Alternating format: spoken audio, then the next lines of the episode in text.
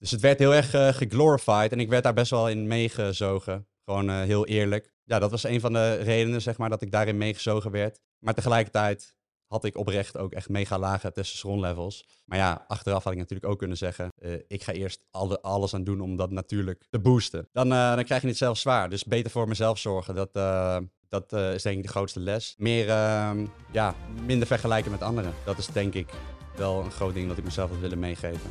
Als ik mezelf minder had vergeleken met anderen, dan uh, was ik een stuk gelukkiger geweest op een eerder moment, zeg maar. Ik geloof dat ik dan nog steeds hetzelfde had kunnen bereiken, alleen dan op een uh, leukere manier. Goeiedag. Welkom terug bij een gloednieuwe Sportpoeder podcast. Vandaag zitten we met de enige echte Marijn. Een echte legende in de fitnessmarkt. Uh, denk al een, iemand die al nou, meerdere jaren bekend is. Natuurlijk ook van My Shredded Lifestyle.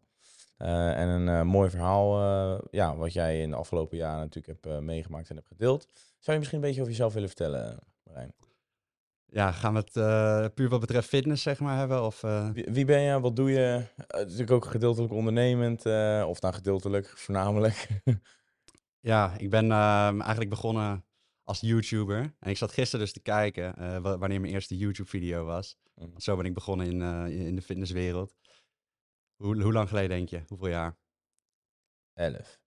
Hm? Elf? Nou ja, dat net niet, maar ja, negen jaar. Negen jaar. Ik, ik, sport pas vijf jaar, dus okay, dat ik... Uh, bijna tien jaar uh, dat ik in de fitnessmarkt actief ben dus. En uh, dat ik ben begonnen met trainen was nog een aantal jaar daarvoor. Dus ondertussen train ik al 14 jaar.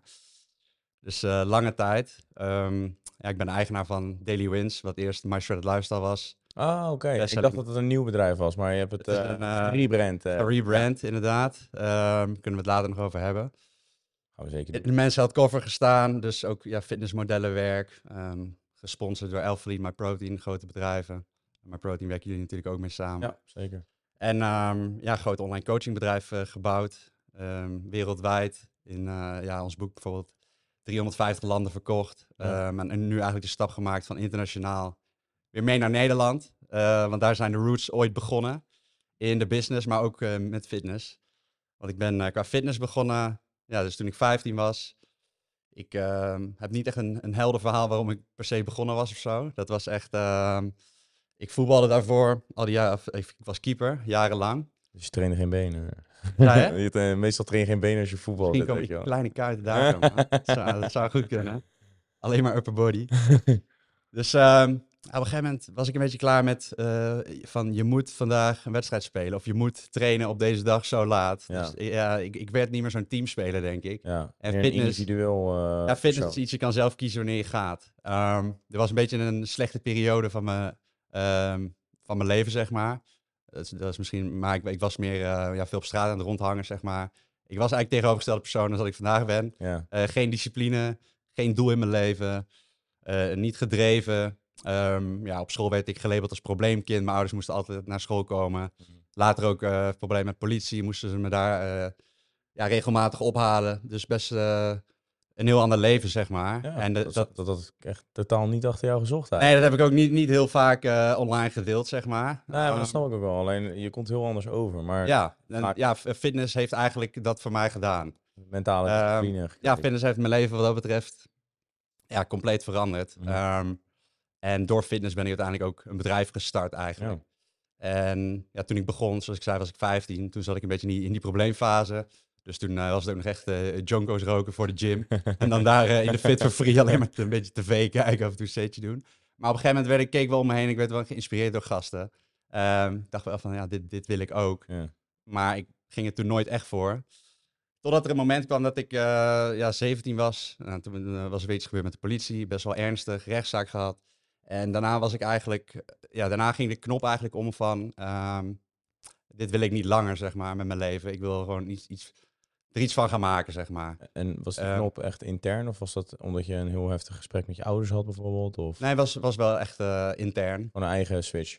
Was wel echt een eigen switch. Um, en mijn ouders hebben me nooit ook naar de, mijn ouders hebben me nooit uh, naar de gym gestuurd. Hè. Dat was, uh, nee, nee, maar meer in de zin van dat je ouders misschien hebben gezegd van ja, nou is het klaar, anders ga je ja, naar een internaat of zo. Ja, of, dat hebben ze vaker. Uh, nou, ze zouden me niet op straat, maar ze hebben natuurlijk heel vaak gezegd van nu is het genoeg. maar ik denk dat er een interne knop om moet gaan als je echt wil veranderen met ja, wat voor verandering het dan ook is, zeg maar. Um, en in dit geval was fitness een soort van de trigger voor mij waarin ik mijn eh, agressie kwijt kon. En waarin ik eh, mezelf een beetje kon verliezen, zeg maar. In plaats van dat ik buiten ging rondhangen, eh, over bullshit ging praten. En ehm, ja, veel, eh, veel wiet roken en veel... ja, niks doen eigenlijk. En ook gamen, als ik dan thuis in mijn eentje zat. Dus ehm, compleet tegenovergesteld. En toen ineens was het van... Het was meer dat gevoel van... Ja, dat teleurstelling. Van ik stel mijn ouders teleur, dit wil ik niet langer doen. Ja, snap ik. En ik zag ook online, eh, tegelijk, het was een beetje in dezelfde periode, zag ik eh, ja, fitness guys op YouTube, Amerikaanse. Eh, Chris Jones was eigenlijk de eerste, de guy die ik zag, die een heel mooi verhaal had, waardoor ik geïnspireerd werd van, joh, ehm, kijk, het is niet alsof ik eh, uit een of andere ghetto kom en dat het allemaal zo ernstig was. Dus, eh, want ik ben gewoon in een normaal gezin opgegroeid. Dus ik heb het ook een soort van mezelf aangedaan dat ik allemaal domme dingen deed. Ja, Ehm, toen keek ik naar die gast en dacht ik van, van wow, die gast komt echt vanuit niks. Ehm, en die heeft nu eh, via online en via, via fitness heeft hij helemaal een, een leven voor zichzelf opgebouwd, zeg maar. En dat zag ik toen veel, veel andere mensen ook doen Mhm. in Amerika. En ook andere mensen inspireren, anderen helpen. Ehm, dat vond ik gewoon echt hard. Ik dacht van, ja, dit wil ik ook, zeg maar. En dat begon met het lichaam natuurlijk. Dus toen ging ik alles leren over, ja, over fitness, over trainen. Ehm, dus toen was ik 17 en toen was ik eigenlijk al twee jaar bezig, maar ik had nog steeds geen eh, echte resultaten. ja. Dus ja, als je, als je het niet goed aanpakt, kun je echt lang in de gym zijn en geen goede resultaten Oh, we know. Ja, je je hebt altijd Ehm, personen rondlopen in de sportschool die al tien jaar trainen. Precies, nog steeds ja, die- ze net begonnen nu zijn. nog steeds, ja. Ja. Ehm, ja, en eigenlijk, als je er dan jaren later op terugkijkt, denk je, ja, zo, zo moeilijk is het allemaal niet. Maar dat is, eh, dat is dan vaak zo als je eenmaal eh, de dingen Ja, weet. precies. Maar goed, ik, kwam er, eh, ik ging heel veel YouTube kijken, werd daardoor geïnspireerd. Maar dat inspireerde mezelf dus ook op mijn fitness journey. En waar ik vrij snel achter kwam, vooral omdat ik ook geïnspireerd werd dus om, om YouTube te starten, Mhm. een paar jaar verder, Ja. was dat de mensen naar wie ik opkeek, dat die niet natuurlijk trainen. Ja. Dus veel, ja, eerst rolmodellen die ik had, zeg maar, die op, op magazine covers stonden. Ehm, Vond je dat lastig? die bodybuilding wedstrijden deden. Oh, ja. Dus ja, ik wist, wist op moment niet dat Arnold Schwarzenegger of zo dat iets, iets gebruikte. Toen ik echt nog helemaal begon. En het klinkt nu gek, want nu, weet iedereen dat, maar toen ja, tijd... ja, het nee, is- klopt. Het lang, mensen zijn wel beter ontwikkeld. ehm, het is zo lang geleden dat dat nog niet bekend was. Ja. Ehm, en niemand was daarvoor uitgekomen, zeg maar. Dus dat was, ehm, dat was toen best shocking, zeg maar. En toen kwam ik erachter van, hey, ehm, er zijn ook andere gasten die hebben het over de, de natural lifestyle. En er werden ook nog heel weinig studies naar gedaan. Ja. En dat begon een beetje rond die tijd langzaam, in 2016 plus, eh, begonnen er ook meer studies eh, gedaan te worden naar hypertrofie. Ook Ja. onder natuurlijke atleten. Ehm, en daar ging ik meer, eh, meer research in doen. Uiteindelijk ook, ehm, terwijl ik op de HBO zat, commerciële economie deed, wat ik eigenlijk totaal niet wou. Heb ik ook Ja, gedaan. Ja? Ja. Afgemaakt. Ja, ja, ja, Oh, dat wel. Ja, ik moest even het Gefeliciteerd. HBO-papiertje hebben. Oh, jij hebt hem niet afgemaakt. Nee, dus. nee. Echt ondernemer. Ja, nee, maar ja, eh, eh, drop-out. eh, ja. Succes. En ben niet naar Bali verhuisd. Ja. Nee, dus mijn idee was zeg maar, toen ik, toen ik qua, qua business was gewoon, ehm, ik, was, ik was wel een hele goede shape. Mensen vroegen mij om me heen van, van hey, om tips en kun je me helpen. Dus het is heel organisch begonnen dat ik anderen begon te coachen ook en begon te helpen. Mhm. Want dat begon allemaal bij mezelf, terwijl ik op die, op die hbo-studie zat. Ja. Want ik was tijdens die studie alleen maar bezig met, eh, met trainen, met fitness. Mhm. Ik nam maaltijden mee naar school. Reis met Kippen College. Ja, precies. Ehm, ik, heb, ik heb zelfs oude video's, zie me zo in, in de klas zo- zo'n bakje uh, Tupperware stiekem eten. Zo. eh, Wel- eens een blik tonijn gegeten tijdens college? blik tonijn niet. Nee. Ja, dat stinkt echt heel erg. Heb je gedaan? Ja man, dat kan je eigenlijk echt niet maken. Ik had honger. Heavy, heavy. Ja, dus ik werd daar wel een beetje om uitgelachen ook, zeg maar. Ah, nu kan ik erop terugkijken en Nu uit, wa- ja. Nou, meer van, waar, ja, nou, de- zo ben ik het misschien ook weer niet, maar meer van, waar, ja, waar maak je je druk om, zeg maar, wat, wat andere mensen... Deed dat wat bij? Je dat, denken. dat, dat, dat toen dat mensen dat over jou dachten van, want je was wel een- waarschijnlijk een beetje, nou niet een outcast, ook geen outlaw, maar wel een beetje een soort bijzonder persoon dat je dat doet voor jouw lifestyle. Mm, ja, ik was juist, eh, toen ik wat jonger was, meer de coole guy. Daarom deed ik ook allemaal eh, stoere dingen, zeg maar. Ah, Ehm, dus, ik, dus ik hoorde altijd een beetje, een beetje bij de... Ik wou bij de populaire eh, guys horen, zeg maar. ja. En toen ik deze switch ging maken, eh, m- eh, moest ik die knop eigenlijk een beetje omzetten. Want ik werd toen een beetje raar. ja, precies. Toen, ging ik, ja, dus toen, toen werd ik wel een beetje die outcast inderdaad. Van wat, wat doet deze gast? Ehm, en toen ik daarmee begon, was ik ook nog best wel skinny. Dus het was ook niet dat ik, eh, dat ik er echt lijp uitzag of zo. Terwijl ik Hm. die maaltijden mee naar school nam. Dus, dus, Je had het nodig om te groeien. Dan eh, denk je dat je een bodybuilder bent of zo. Ja, wil ik worden? Ja, ik, eh, ja. ja, ander- ja, als, je, als je niet die acties neemt, kom je er niet. Het belangrijkste is genoeg eten. Ja, dus ehm, nou, dat was wel een switch. En dat, dat kwam tegelijk met eh, de switch eh, YouTube-video's maken. Dat is nog veel enger dan dat. Maar dat eh, een beetje vergelijkbaar qua gevoel, zeg maar. Ehm, of dat je... Ja, ja gewoon eh, sociale gelegenheden. Dat je ineens dingen af... eh, eh, dat je een gezonde keuze maakt. Of dat Ja. je een biertje van... Nou, is nu wel genoeg. Hoezo genoeg? Die dingen ga je dan een beetje Lastig begrijpen inderdaad als je niet die, die levensstijl hebt. Ja, dus, dus dat, dat was een beetje om me heen. Maar dat is iets, dat moet je accepteren, denk ik, als je, als je iets anders wilt bereiken dan de rest. Merk Ehm, je ook eh, dat jouw sociale kring zich anders is gaan vormen naarmate van de levensstijl die jij bent gaan leiden daardoor? Eh, ja, deels wel. Ah, dat heeft bij, bij mij wel vooral, denk ik, met, eh, met het bedrijf en met YouTube te maken. Meer de, misschien de mensen naar wie ik ben toegetrokken. Ja. Maar ik heb nog steeds heel veel vrienden ook van, van, de, van de slechte periode. Mhm. eh, met wie het nu ook allemaal goed gaat, zeg maar. Dus we zijn ook samen gegroeid. Samen ja. gegroeid, met, met die vriendengroep, zeg maar. Ehm, en dus die zie ik ook nog regelmatig, hang ik ook nog steeds mee.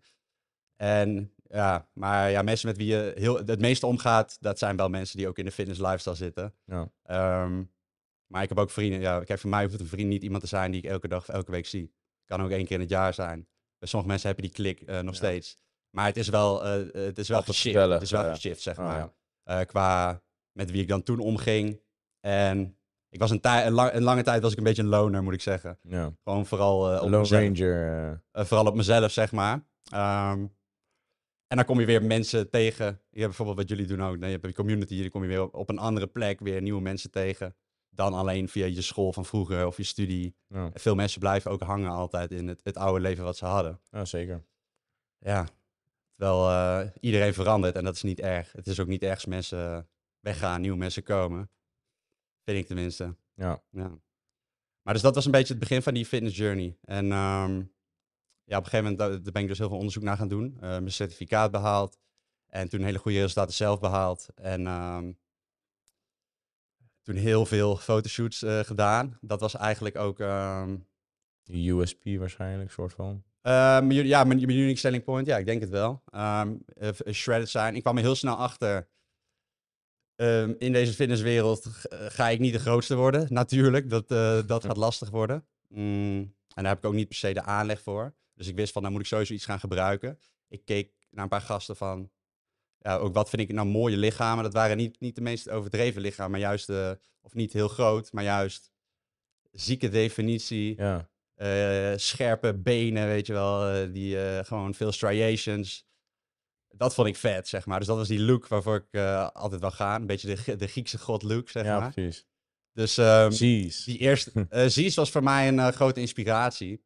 Ehm, en nu terugkijkend is dat, eh, ja, is dat een hele andere eh, type persoon dan wie ik nu ben of zo, of wie ik probeer te zijn. Maar dat heeft me wel geïnspireerd ooit om eh, zeg maar te starten met, ehm met fitness deels. Ja. Het was meer Steve Cook en het was meer van de magazines dan. Ja. Het was meer ook een Jeff Side bijvoorbeeld qua fysiek. Ehm, en wat ik zei, Chris Jones, ook weer qua YouTube, qua, qua kennis. Maar Zies wel qua, beetje die, die motivation. Ja, een beetje precies. motivatie nodig. En Zies gaf mij wel, eh, heeft mij wel het business idee gegeven deels om, of ja, business idee, eh, ja, deels wel, om YouTube video's te maken over fitness combineren met feesten. En dat was, dat was de grootste USP eigenlijk. Hoe kun je een afgetraind lichaam hebben, nog steeds van het leven genieten. Ja. En Zies deed dat soort, hij deed dat natuurlijk eh, op een andere manier, zeg maar. En door ook vooral de festivals te laten zien, maar hij liet niet, de, hij liet niet geen kennis zien. En ik van mezelf ben meer iemand, ik wil kennis delen met mensen. Ja, anders weet je het Dus. En dan is het ook geen logica bij jezelf. nee, dus dan is het meer, in- hij is meer een eh, pure in- inspirator. Beeld, ehm, Inspirator. Ja. En ehm, wat dat betreft ben ik meer ook educatie. Ehm, ja. En wat was voor jou de eerste stap dat je met YouTube eh, begon? Want er is op een gegeven moment een, een turning point gegaan, zoals je zei, van ja, het is meer eerst organisch gegaan. Mensen om me heen vroegen om tips. Alleen toen ben je, op een gegeven moment heb je wel de switch gemaakt om YouTube eh, te starten waarschijnlijk. ja. Ehm, De turning point, ja, ik was, ehm, ik was toen 19. Dus ik, ondertussen train ik zeg maar vier jaar. Ik had inderdaad best goede resultaten behaald. Ik lag elke avond in bed, letterlijk gewoon maandenlang, lag ik te denken aan het idee om YouTube te beginnen. En ik lag te denken aan de eerste video en de tweede video. En eh, ik was het helemaal aan het visualiseren. En misschien doe jij dat ook wel in je business, dat weet ik niet. Af en toe Met- denk er wel over na, ja. Af en toe denk je erover na. Ah, over nieuw Maar- concept inderdaad. Je blijft wel nadenken over bepaalde onderdelen. Wat, je- wat Ja, maar ook vies, eh, eh, bijvoorbeeld een dag van tevoren of, eh, of eh, waar wil ik volgend jaar staan. eh, gewoon echt een visie hebben en Ja. die gewoon kristalhelder zien. En op een gegeven moment begon ik dat elke avond te doen. Zonder dat het woord visualiseren. Ik wist niet dat dat, dat, dat eh, iets was. Of, eh, ja, ik, ik- het was meer gewoon heel natuurlijk, zeg maar, dat ik daar elke dag... En op een gegeven moment was het gewoon... eh, ja, ik bleef maar die video's kijken van andere Amerikaanse fitness-YouTubers. Ik bleef obsessed over fitness. Ik was de hele dag mee bezig. Ja. Ehm, ja, ik was echt, zelfs tijdens de les was ik ondertussen was ik, weer dingen aan het opzoeken op mijn telefoon over fitness, weet je wel, terwijl ik, op, terwijl ik op die studie zat. Eh, en dit was nog het eerste half jaar van die studie zelfs. Daarvoor heb ik een andere studie gedaan, dat was International Business and Management. Dat, dat klonk gewoon vet. Wat toevallig, ik heb International Business and Languages gedaan. Ja? Ah, ja, Heel ja. veel raakvlakken volgens mij. Precies, precies. En eh, daar ben ik, ja, daar was ik, ik denk na acht weken mee En dat, dat lukte gewoon niet, ook deels omdat ik eh, te veel bezig was met fitness. En ik skipte gewoon ook lessen om, eh, ja, het, om naar de gym te gaan. Het was echt, eh, want het was in Arnhem, dus het was net verder reizen. Ja. Dus ik was er gewoon helemaal obsessed mee. En elke avond blijft het in je hoofd. En op een gegeven moment ging die knop om. Eh, ik, hoorde, ik luister natuurlijk ook naar succes. Ik ging succesvolle mensen bestuderen. Ik ging eh, boeken lezen over ondernemen, over persoonlijk leiderschap, self-improvement. En toen kwam ik erover mindset. En toen kwam ik erachter van ja, als je iets wil, eh, dan moet je wel iets voor gaan doen. Ja. En je moet gewoon een stap zetten. En die stap zal nooit perfect zijn. En ja, nu zijn we tien jaar verder en, en de stappen zijn nog steeds niet perfect. Je hebt heel veel mensen die, ja, die proberen eeuwig maar weer dingen te leren zonder actie te ondernemen. En dan behaal je nooit resultaat. Want je moet toch echt een stapje zetten om te kijken, eh, wat betreft YouTube bijvoorbeeld. Je post een video, hoe doet die video het? Nou, en daarop kun je weer verder gaan. Ja. Je kan niet van tevoren dat allemaal uitdenken hoe dat Nee, gaat. helaas niet. En, en zeker niet met social media. Ehm, en zeker niet met iets waar je helemaal niks van af weet. Want ik had niemand om me heen. eh, geen mentors, geen ondernemers. Mijn ouders zijn ondernemers, mensen om me heen niet. Ehm, ik ging het Engels doen. Maar ja, dat is gewoon een tweede taal. Eh, maar dat vond ik vet, omdat eh, die Amerikanen dat ook deden. Ja. Dus ik wou ook graag met die gasten eh, connecten. Dus dat visualiseerde ik ook. En dat is uiteindelijk dus jaren eh, later ook gebeurd. En ja, het was gewoon... Dus één dag dacht ik van ja...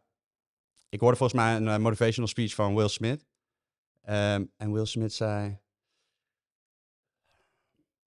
Hij zei iets in de trant van... Van fuck plan B, the only thing it does is distract you from plan A. Hm. En ik hoorde dat en ik voel hem nu gewoon meteen, voel ik hem. Dat was het moment dat ik gewoon dacht van ja man, dit... eh, ja, je moet, je moet er gewoon voor gaan, zeg maar. Ja. Ehm, en deze, deze quote, eh, die hitte me nu vooral omdat, omdat die zeg maar terugkwam op het moment dat ik met de studie stopte. Dat was twee jaar verder. Ehm, toen dacht ik van ja, ik, ik, ik ga voor één ding in plaats van de studie en YouTube. Ja. Maar het begon met de dedication om te zeggen vanaf vandaag ga ik eh, drie keer per week video uploaden. En dat heb ik toen anderhalf jaar gedaan, totdat het een beetje ging lopen. ja. Want vanaf Ja. welk punt begon het een beetje te lopen? Ja, ongeveer anderhalf jaar toen had ik, jaar. eh, de eerste 5000 eh, abonnees. Ah, Oké. Duurde anderhalf jaar. En hoeveel abonnees zit je nu? Nu bij- bijna 300k. Maar Bijna het- 300 ja. eh, het is echt. Ik, ik, ik, ik zit al zo lang op 200. Ik weet niet of het 295 of 290 of wat dan ook. Mm. Ik, eh, ja, ik, ik heb ook niet meer zo naar. Maar dat is toen in één heel hard gegaan? Of, eh, Ja, het is gewoon. eh, het is op een gegeven moment van die 5k. Na anderhalf jaar ging één video viral. Ehm, en daarvoor was het gewoon. Was dat? Blij, ik was blij met drie tot vijf comments, weet je wel. Ja. Eh, ik had een paar. De eerste coachingklanten had ik uit Amerika, dus dat was super vet. Dat gaf me ook wel eh, de voldoening en ook het inzicht van het is mogelijk om hier eh, ook eh, uiteindelijk ehm, een leven van te creëren, om mensen te helpen. En hier ook geld mee te kunnen verdienen, in plaats van dat ik straks eh, ja, met, met die studie iets moet gaan doen wat ik eigenlijk niet wil doen. Ja. Dus mijn plan was om tijdens de studie drie YouTube-video's per week te maken. Na die vier jaar, drieënhalf jaar, want ik was eerst al, na eerst half jaar begonnen. Om daarna eh, fulltime ehm, mensen te kunnen helpen met hun fitnessdoelen online. Ja. Dat was eigenlijk mijn doel. En dat was dus iets eerder gelukt, omdat na anderhalf jaar, of iets meer, toen eh, ging één video viral. Dat was een, eh, een transformatievideo. Ja. En toen ging ik van 5000 subscribers naar 10.000 binnen, binnen een maand. En toen naar 20k binnen de maand daarna. En toen ik 20k had, eh, dat was eigenlijk voldoende om de studie te stoppen, zeg maar, qua coaching klanten toen de tijd. Ja, oké. Ehm, en nou ja, YouTube is toen natuurlijk best hard gegaan. Daar kennen de meeste mensen je ook van. Want YouTube was al eerder nou ja, hard aan het gaan dan dat Instagram bestond. Op Instagram ben je natuurlijk ook heel groot, alleen YouTube ja, was eerder. Dat, dat is meer. eh, Instagram was, eh, had ik niet eens moeite voor gedaan op het begin. Eh, als in, ik, ik, het was alleen maar gewoon, hey guys, nieuwe YouTube-video's live. En dan Ja. een foto van mezelf. En zo groeide het gewoon Ja. redelijk automatisch. En veel samenwerkingen gedaan, internationaal, Mhm. op Instagram. Mm. Maar YouTube is altijd wel mijn, eh, mijn, main platform geweest. Ook Ja. Het leukste platform, vind ik zelf. Vooral omdat ik hou van kennis delen. En, en ja, op Instagram, en nu helemaal, en op TikTok. Je moet, het moet allemaal is heel kort. kort, en- heel kort en mondig. heel kort en bondig. En Gaat ten koste van de kwaliteit. gaat ten koste ja, va- van de inhoud. Maar ja, je moet toch, eh, het spelletje gaat door. Je moet meespelen. Zeker, Dus ehm, absoluut. Hey, en ehm, nou ja, je hebt natuurlijk best wel veel eh, succes gehad wat betreft je eigen fitnessreis. Eh, je hebt natuurlijk mooie transformaties neergezet eh, en daar heb je ook heel veel andere mensen bij geholpen. Wat heeft jou het uiteindelijk geïnspireerd om andere mensen te gaan coachen? Ja. Ja, in de eerste instantie waren dat ehm, ja, die personen naar wie ik opkeek. Dus ehm, inderdaad een Chris Jones en andere personen die ik online zag, die dat deden. Ik was gewoon, ja, wat ik al zei, een beetje een, rotkind vroeger. Ehm, en ik weet niet, misschien had ik ook eh, een soort behoefte om, eh, om misschien dat een beetje eh, goed te maken of zo. Aan de ene kant, daar kom ik nu pas later achter, jaren verder. Maar aan de andere kant ben ik zoveel jaar bezig geweest met fitness en heb ik zoveel jaar verpest, zeg maar. ehm, ja, in de, in de gym en met gezond proberen te eten, maar geen resultaten te zien. En dat, ja, daar had ik niet de juiste hulp bij. En die hulp wou ik bieden aan andere mensen. En toen eh, was mijn methode echt wel uniek, zeg maar. Dat was niet dat iemand anders dat deed. Dus ik had echt mijn eigen methode ontwikkeld. Ja. Ehm, die ging ik delen. En dat was een unieke methode, omdat toen de tijd niemand het had over eh, eh, hoe kun je studenten helpen. Want dat was het toen de tijd. Ik heette Student Aesthetics ook op YouTube. Hoe kun je studenten helpen om in shape te komen, terwijl ze nog steeds bij hun ouders thuis eten. Terwijl, eh, en niet weten precies hoeveel calorieën er in die maaltijd zitten. Ze hebben geen geld om eh, de hele, hele dag eh biefstuk te eten, zoals die gasten op YouTube, weet je wel. Ja, Die hebben allemaal money, die uit Amerika. Ehm, ja, ze hebben dus allemaal zulke resources niet, weet je wel. Misschien hebben ze een gym met minder equipment. Ehm, ze willen nog steeds feesten, wat ik al zei. En dat was, daar had verder niemand het over. Ehm, en ze willen nog steeds uit eten en van het leven genieten. En gewoon leuke dingen blijven doen met hun vrienden. Ja. En niet alles opgeven om in shape te komen. En online was het advies vooral, en da- daar ging ik ook de fout mee in op het begin, was vooral van pro-bodybuilders. Ehm, en dat was gewoon hoe het was, want die kreeg vooral de, de media-aandacht, denk ik. Voordat influencers of content creators, vind ik een mooi woord, voordat die... eh, influencers heeft een beetje een negatieve lading, hè? Tegenwoordig. ja, maar ja, ik, ik, ik, was, ik was eigenlijk influencer voordat dat woord... ja, nee, ja, no da- daar, ben dat, ik het, daar ben ik het wel dat mee woord eens. bestond inderdaad. toen niet eens. Dat woord bestond toen niet eens. Nee, Jaren verder kwam dat woord ineens in de krant. Ja, nee, klopt inderdaad. Dat maar dat is toen vooral sinds dat... eh, het heeft een hele negatieve lading Precies. gekregen sinds eh, Temptation Island en zo. Ja, ik denk het. Maar dat maakt verder niet uit. Ehm, maar goed, dus, dus dat advies was vooral pro bodybuilders. Dat ging ik opvolgen. Maar zonder eh, steroids krijg je niet hetzelfde resultaat. Dan gaat het juist tegen je werken. Dus ik ging overtrainen. Ik, ging, ik dacht dat ik goed at, maar ja, je eet eh, 300 gram eiwit per dag. Weet je wel, veel te veel. Ja. Ehm, dus je behaalt geen optimaal resultaat. Dus ik ging uitzoeken hoe kan ik optimaal resultaat behalen als natuurlijk atleet. Ehm, atleet als na- natuurlijk persoon. En hoe kan ik het ook toegankelijk maken voor de gemiddelde persoon. Dus die ook niet per se eh, professioneel atleet wilt zijn. ja, maar gewoon in shape wil zijn. Maar gewoon in shape wilt zijn. Gewoon in goede shape voor de zomer. Ook wel gewoon, wel echt goede shape, maar niet, niet die, niet, niet die eh 1% van de wereld shape. Ja, maar nog, nog steeds beter dan 95% van de wereld. Ja, inderdaad. Hm. En hoe doe je dat eh, combineren met een leuke levensstijl? En toen de tijd was er eigenlijk eh, niemand die datzelfde deelde in detail. En dat zie je ook aan die hele oude video's die ik maakte. Die gingen veel over ehm, eh, eh, eh, wat is de optimale trainingsfrequentie voor natural lifters. Eh, zulke video's ging ik maken. Ehm, terwijl niet, ja, weinig mensen de- daar toen de tijd over hadden. En die video's gingen heel goed. Eh, video's waar ik mensen in meenam, ook naar festivals toe. En dan vertelde ik ze niet eh, laten we zeggen, zo in een praatvideo van eh, dit is wat ik doe, maar dan laat je ze exact zien wat, wat je deed. En dan volgens wat mooie shots op het festival. Ehm, meer vlogstijl, eh fitness, informatie delen. Ja, Dus zowel motiverend als educatie. En daar coachte ik deze personen dus ook op. Dus dat was voor mij ja, een soort van uniek eh, iets, in, iets, iets in de markt waar mensen me eigenlijk in eerste instantie een beetje om vroegen. Gewoon om tips. En ik vond het gewoon zo leuk om mensen tips te geven. Dat ik dacht van, eh, ja, ik heb eigenlijk gewoon gevonden wat ik wil gaan doen met mijn leven. Ik wil niet, eh, want dat wist ik al die tijd niet. Daarom was ik eerder altijd een beetje aan het rondkloten. Ik had nooit een visie of een, een doel of zo. Totdat ik goed werd in trainen, totdat ik het snapte. Het en ik, ik behaalde resultaat. Ik keek mezelf aan in de spiegel. Eh, na een jaar goed trainen en toen dacht ik van wow. Heb je wel gewoon even, heb je, Mhm. je hebt het nu gewoon echt gedaan, zeg maar. Je, hebt, je bent consistent geweest elke dag. En op studie is me dat nooit gelukt. Het is me nooit gelukt om elke dag eh, huiswerk te maken of eh, te, te studeren. Ehm, dat was altijd last minute. Dus ik snapte het principe van delayed gratification eerst nooit. Ehm, en nog zoveel meer lessen die ik geleerd heb. En ik, ja, zo, zo, zo, zodra ik dat met mensen ging delen, gratis op YouTube. Want in eerste instantie was het helemaal niet mijn doel om een eh, bedrijf te starten. Ik ging gewoon YouTube-video's maken. En ik, ging, ik deelde tips uit aan vrienden in de gym.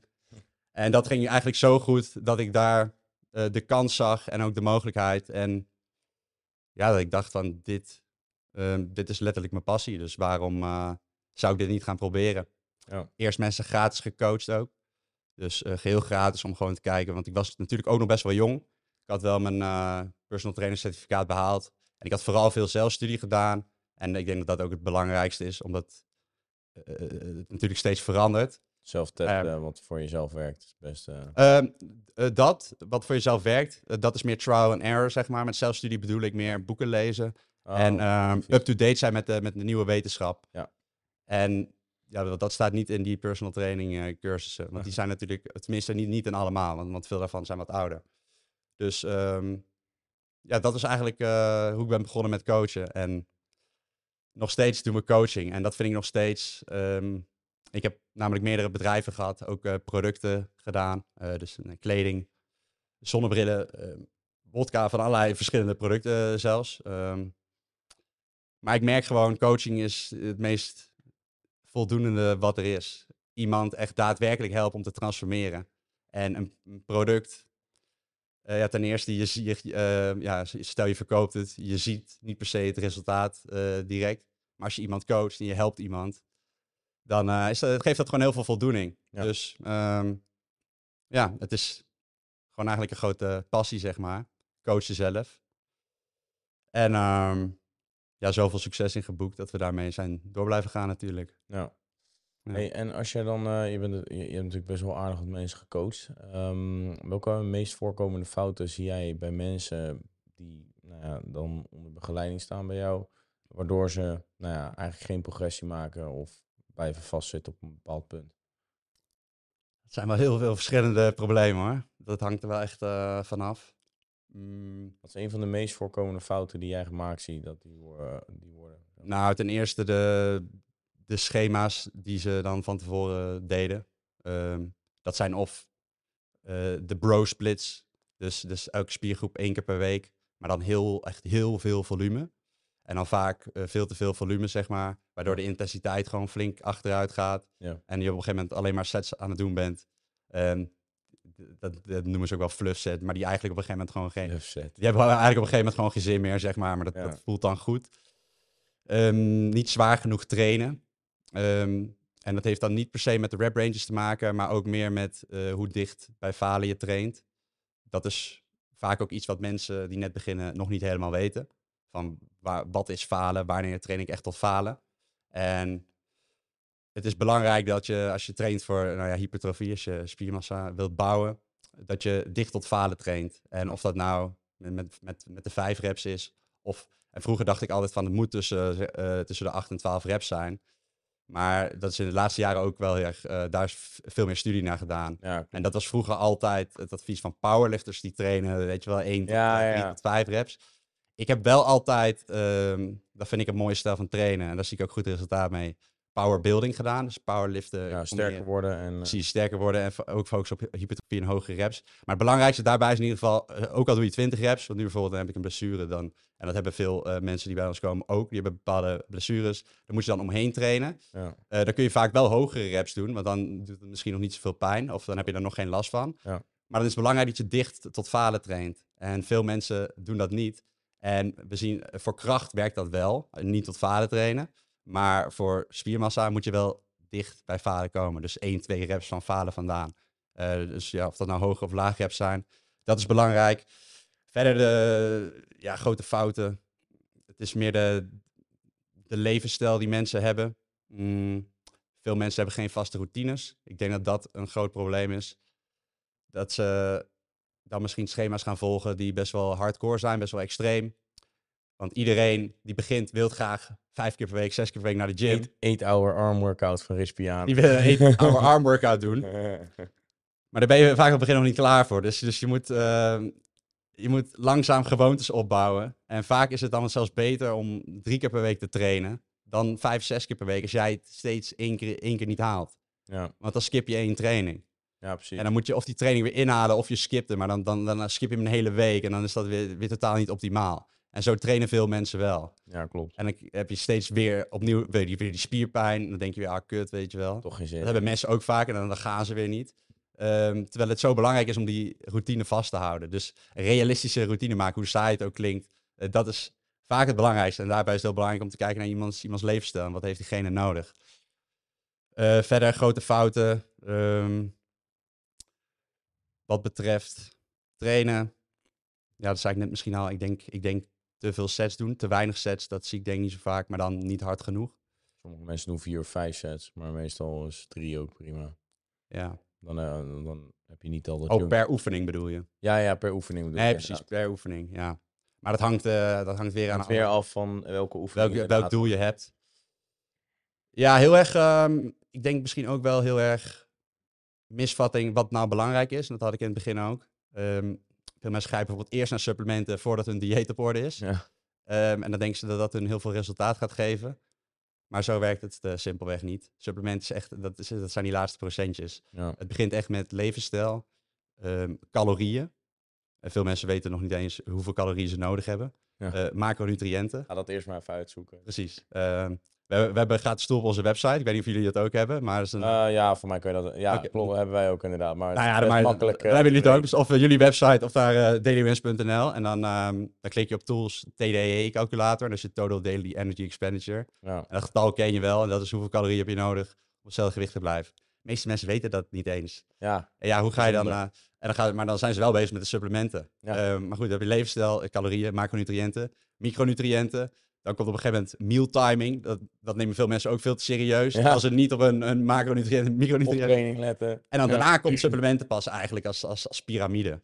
Eh, veel, dus veel mensen focussen op de verkeerde dingen. Ja. Klopt. Ik denk dat dat inderdaad wel een uh, goede is ook om, uh, om aan te kaarten over die supplementen. Want jij gaat natuurlijk al best wel lang mee in, uh, in de branche, om maar zo te zeggen. Dat, natuurlijk ook wel, nou, voornamelijk ook buitenlandse fitnessbranche, maar ook de Nederlandse fitnessbranche. Supplementen is natuurlijk steeds meer hot topic geworden. Uh, grote bedrijven springen erop in omdat ze zien dat de trends toenemen. Dus potentieel verdienmodel, eh, business.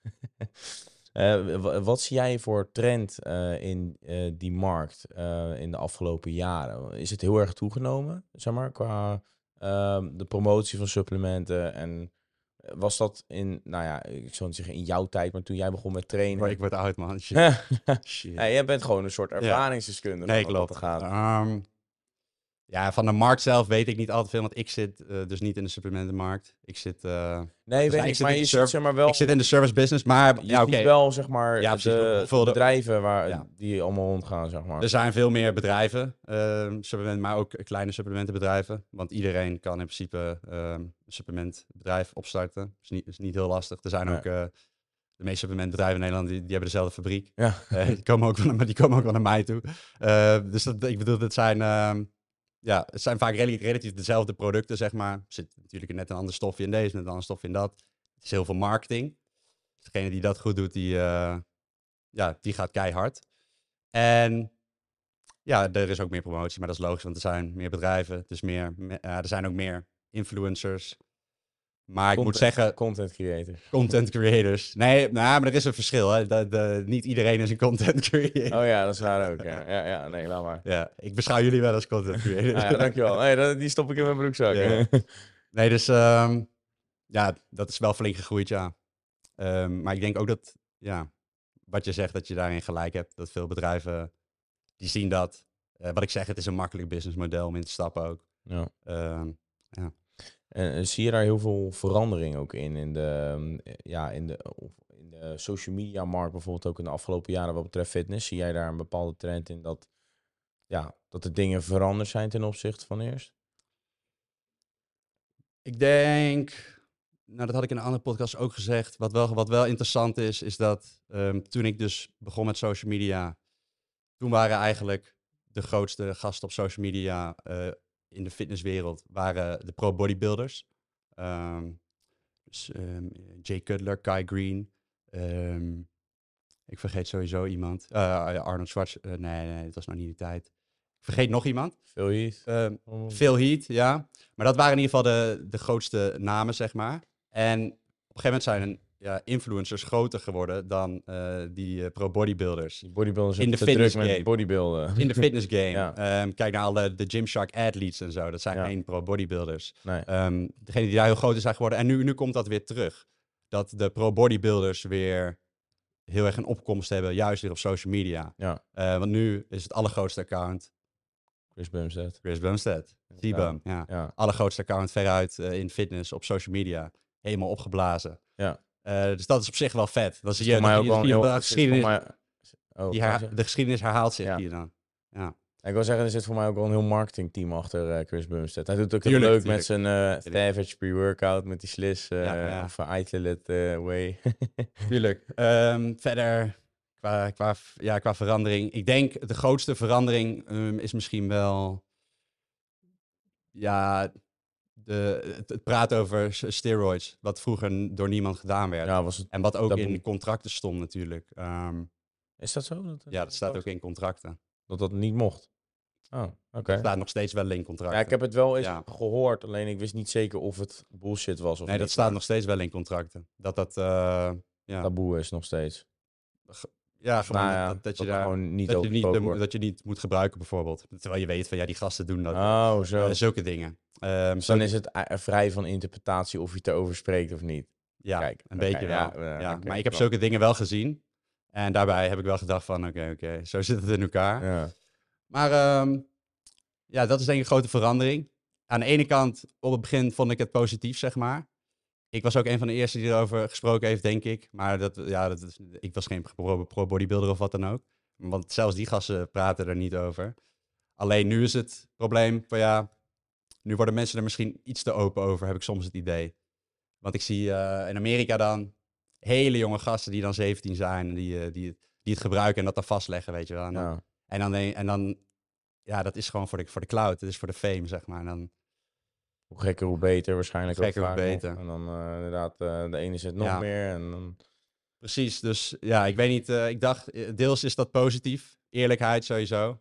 Maar het heeft dus ook weer een keerzijde dat mensen dat zijn gaan gebruiken om geld te verdienen. Ja. Best veel mensen eigenlijk. Die zijn, de, die zijn dat gaan gebruiken om geld te verdienen, ja. Denk je dat dan? Dat, om misbruik te maken van die transparante trend? Ja, maar? ja. ja? ja. Ja, ik, gel- dat echt, heb ik... ik. heb er nooit over nagedacht, maar nu inderdaad, ja. Maar Amerika is natuurlijk ook wel weer een stukje gekker dan Amerika is in het val apart, ja. Dus het is, eh, dan heb ik het niet, in Nederland heb ik dat niet eh, zo gezien, maar dan heb ik het echt over Amerika inderdaad, wereldwijd. Ja. Oké, ehm, nou ja, we komen zo meteen op het stuk terug natuurlijk van eh, TRT, waar jij natuurlijk een heel mooi transparant verhaal over hebt eh, en ook hebt gedeeld toen op social media. Ehm, ik wil nog even terug op de voeding, training en gezondheid voor jou zelf. Ehm, want wat is ehm, nou ja, jouw benadering wat betreft voeding om nou, spiergroei te stimuleren, om maar zo te zeggen? Natuurlijk weer een hele brede zin, maar Ja, ten eerste een calorieoverschot eten.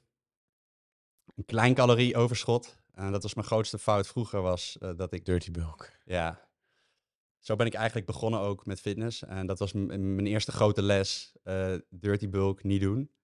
Ik zag toen die Chris Jones dat doen, naar wie ik opkeek. Toen heb ik het eigenlijk nagedaan. Ik heb ook nog zo'n oude video. De- de- de- daar film ik die transformatie. Die staat nog steeds op YouTube. Midden in de video hoor je ineens zo... zzz, want ik film het op mijn telefoon en dan gaat gewoon een of andere alarm af. ik, kan, ik kan nog geen eh, money voor de camera. Dat was helemaal het begin.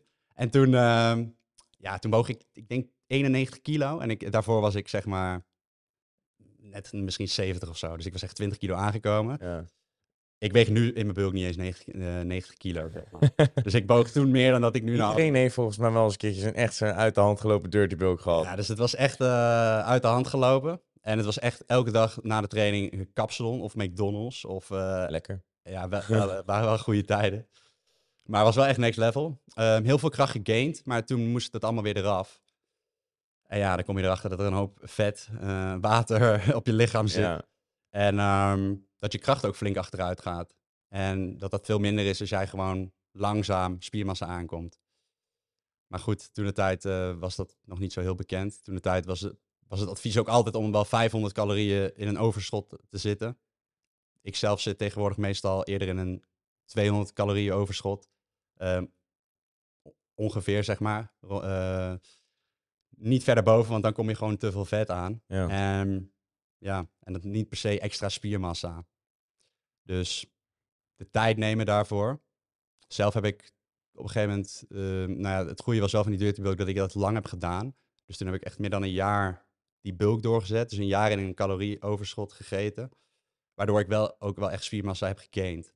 En in latere jaren kwam ik, eh, ben, heb ik vaak fotoshoots gedaan, ben ik vaak gaan droogtrainen. En dan zie je wel echt ook, dan kom je minder spiermassa aan. Omdat je steeds weer gaat switchen van bulken naar kutten, Ja. van bulken naar kutten. En vaak was dat ook een beetje mentaal. Dat als je begint met bulken, dan ga je er wat minder goed uitzien. Die apps verdwijnen een klein beetje. Ja, en dan die- denk je weer van, oh nee, ik moet, nee, ik moet, toch, ik moet toch weer dit gaan doen. En daarbij ehm, ja, is een grote les, denk ik, of advies van mensen die proberen aan te komen. Van eh, beslis voor jezelf van hoe lang ga je dit doen. En maak dat dan ook echt af, die periode. Ehm, in plaats van dat je tussendoor dat stemmetje hoort en dat je gaat twijfelen en dat je dan steeds weer gaat kutten, dan weer gaat bulken. Want dan ga je een beetje zo eh, up en down. Sorry dat ik deze podcast even onderbreek, maar het is namelijk voor de Sportpoeder app. Hier staan de hoogste kortingen in voor jouw favoriete supplementenaanbieders. Denk aan MyProtein, XO Nutrition, etc. En betaal je nooit meer te veel voor jouw supplementen. Dus download Sportpoeder app nu in de Google App Store en in de Play Store. En luister lekker verder. Ehm, altijd als je wil bulken, of als je ben- aan het bulken bent, wil je kutten. En als je aan het kutten bent, wil je bulken. Precies, precies. En dat is die, die eeuwige strijd, is Ja. dat. Eh, maar het is ook veel leuker voor jezelf als je een helder doel hebt en daar naartoe werkt. En dat hoeft niet per se met je gewicht te zijn. Want je wil juist niet, niet te veel gewicht aankomen tijdens de bulk. Ja. Ehm, dus ja, dus echt niet zeg maar eh, een kilo per maand of zo, wat sommige mensen eh, doen. Ja, de- eh, soms kan het, het kan een keer gebeuren, weet je wel, natuurlijk. Maar als je het echt voor een langere periode wilt doen, dan wil je eerder zeg maar 0,2, eh, max 0,5 kilo per maand. Dat zou best wel ideaal zijn. Ja. Ehm, en iets hoger mag best, als jij er prima mee bent. Maar uiteindelijk komt dat ook een beetje neer op, op eh, het mentale aspect van... ehm, kun jij jezelf accepteren met dat extra beetje vet? En ik had toen vroeger best wel die mentaliteit van ja, prima. Want ik wil gewoon, eh, ik wil gewoon eh, die massa bouwen. Use worden. En ik weet dat ik daarna eh, ga droogtrainen. Ik weet hoe dat moet. Dus ik weet zeker dat ik daarna dat droge lijf krijg. Ja, Maar als je dat niet zeker weet, dan snap ik ook dat je op een gegeven moment denkt van... Ja, dat is ook eng natuurlijk. Ja. Ehm, maar wat dat betreft is spiermassa bouwen eigenlijk aan de ene kant eh, lastiger dan, ehm, dan kutten. Maar dat is misschien voor mij persoonlijk. Maar dat, is, eh, Verschilt ook weer dat per... verschilt ook weer per persoon. Maar voor mij persoonlijk is dat een beetje. Ehm, ja, wat was de vraag? Ehm, nou, ik wilde eigenlijk, of in ieder geval, eh, de, wat, wat eh, voor jou qua voeding om eh, spiergroei te stimuleren. Maar dat is eigenlijk gewoon een calorieoverschot. Qua voeding is dat, nou ja, dat is niet het enige waar ik op focus. Ehm, maar ja, om, ja, als het neerkomt op spiermassa aankomen wel. Het enige wat ik nog wel doe in mijn dieet is wel kijken naar hoe is de macroverdeling natuurlijk. En die, die verschilt een beetje als ik bulk. Ehm, dan start ik vaak met, nou ja, qua eiwitten eh, is het advies aan anderen vaak eh 1,6 gram per kilogram lichaamsgewicht minimaal. Laten studies ook zien. Ehm, eh, vroeger dacht ik dat het veel hoger moest zitten, maar dat het eigenlijk eh, 3 eh, gram. genoeg, ja, ja, serieus. Dat het eigenlijk genoeg is. Ehm, zelf zit ik eerder op die 1,8. Ehm, als, ik aan het als ik aan het bulken ben. Maar sommige dagen ook wat lager. Ik heb mijn koolhydraten heel hoog. Eh, daar ga ik goed op, maar dat is ook weer voor iedereen anders. En dat verschilt ook weer per persoon. Mijn vetten, die, ehm, die gaan pas, die hou ik op 20%, zeg, vij- eh, 25% als ik begin. En die, ver, die verhoog ik nadat ik mijn koolhydraten verhoog. Dus als ik niet meer aankom, dan verhoog ik eerst mijn koolhydraten. Maar op een gegeven moment worden die wel heel hoog, zeg maar. En dan op een gegeven moment ga ik ook eh, mijn vetten verhogen. Ja. Maar op het begin vooral mijn koolhydraten, zodat ik meer energie heb in de gym. En nog harder die workouts kan knallen, zodat ik meer progressie kan boeken. Dat de intensiteit. eh, Zodat de intensiteit omhoog kan. ja. Dus ehm, ja, progressive overload in de gym. Dus steeds net een stapje vooruit zetten. En daarbij helpen de koolhydraten om, ja, om de trainingen beter te maken. Ja. Ehm, maar op een gegeven moment dan heb je meer calorieën nodig. Maar dan, ja, het kan zijn van of ik voel me een beetje sluggish door al die koolhydraten. Dus dan ben ik mentaal wat minder scherp. Nou, dan, dan, op een gegeven moment dan ga ik ook eh, de vetten verhogen. Ik moet zeggen dat de afgelopen, ja, de afgelopen jaren heb ik niet meer zo heel veel van die hele lange eh, periodes van bulken gehad. En zit ik meer maintenance. Afgelopen jaar heb ik het wel weer gedaan. Ehm, heel langzaam. En wat zijn dan verder mijn tips qua voeding? Ja, voor mij was het, eh, wat ik heb gemerkt, en dan was meer, dat, maakt niet zoveel uit het bulk of kut is, maar wat qua voeding voor mij heel belangrijk is, ehm, zijn nu ook mijn darmen en daar heb ik nooit over nagedacht. En dat, dat was pas sinds een jaar of zo dat ik een beetje, een beetje daar last van kreeg, ook van mijn stoelgang en zo. En toen ging ik daar veel meer eh, onderzoek naar doen. Ehm, ja, de connectie tussen je darmen en je hersenen ook en wat voor invloed dat heeft. Maar niet alleen direct op het trainen, maar ook gewoon eh, dagelijks in je focus en hoe je voelt. En dat heeft ook weer met de burn-out te maken, daar kunnen we ook weer later op terugkomen. Ja. Eh, dus ik zorg dat ik elke dag ja, een paar dingen die ik doe, genoeg vezels binnenkrijg. Dat is belangrijk tussen de 30 en zo ja, max 50 gram. Maar dat best wel hoge vezelinname. Eh is bewezen dat dat goed is voor allerlei verschillende dingen. Voor je gezondheid. Ook voor mensen die niet eens eh superveel trainen, maar gewoon voor gezondheid in het algemeen.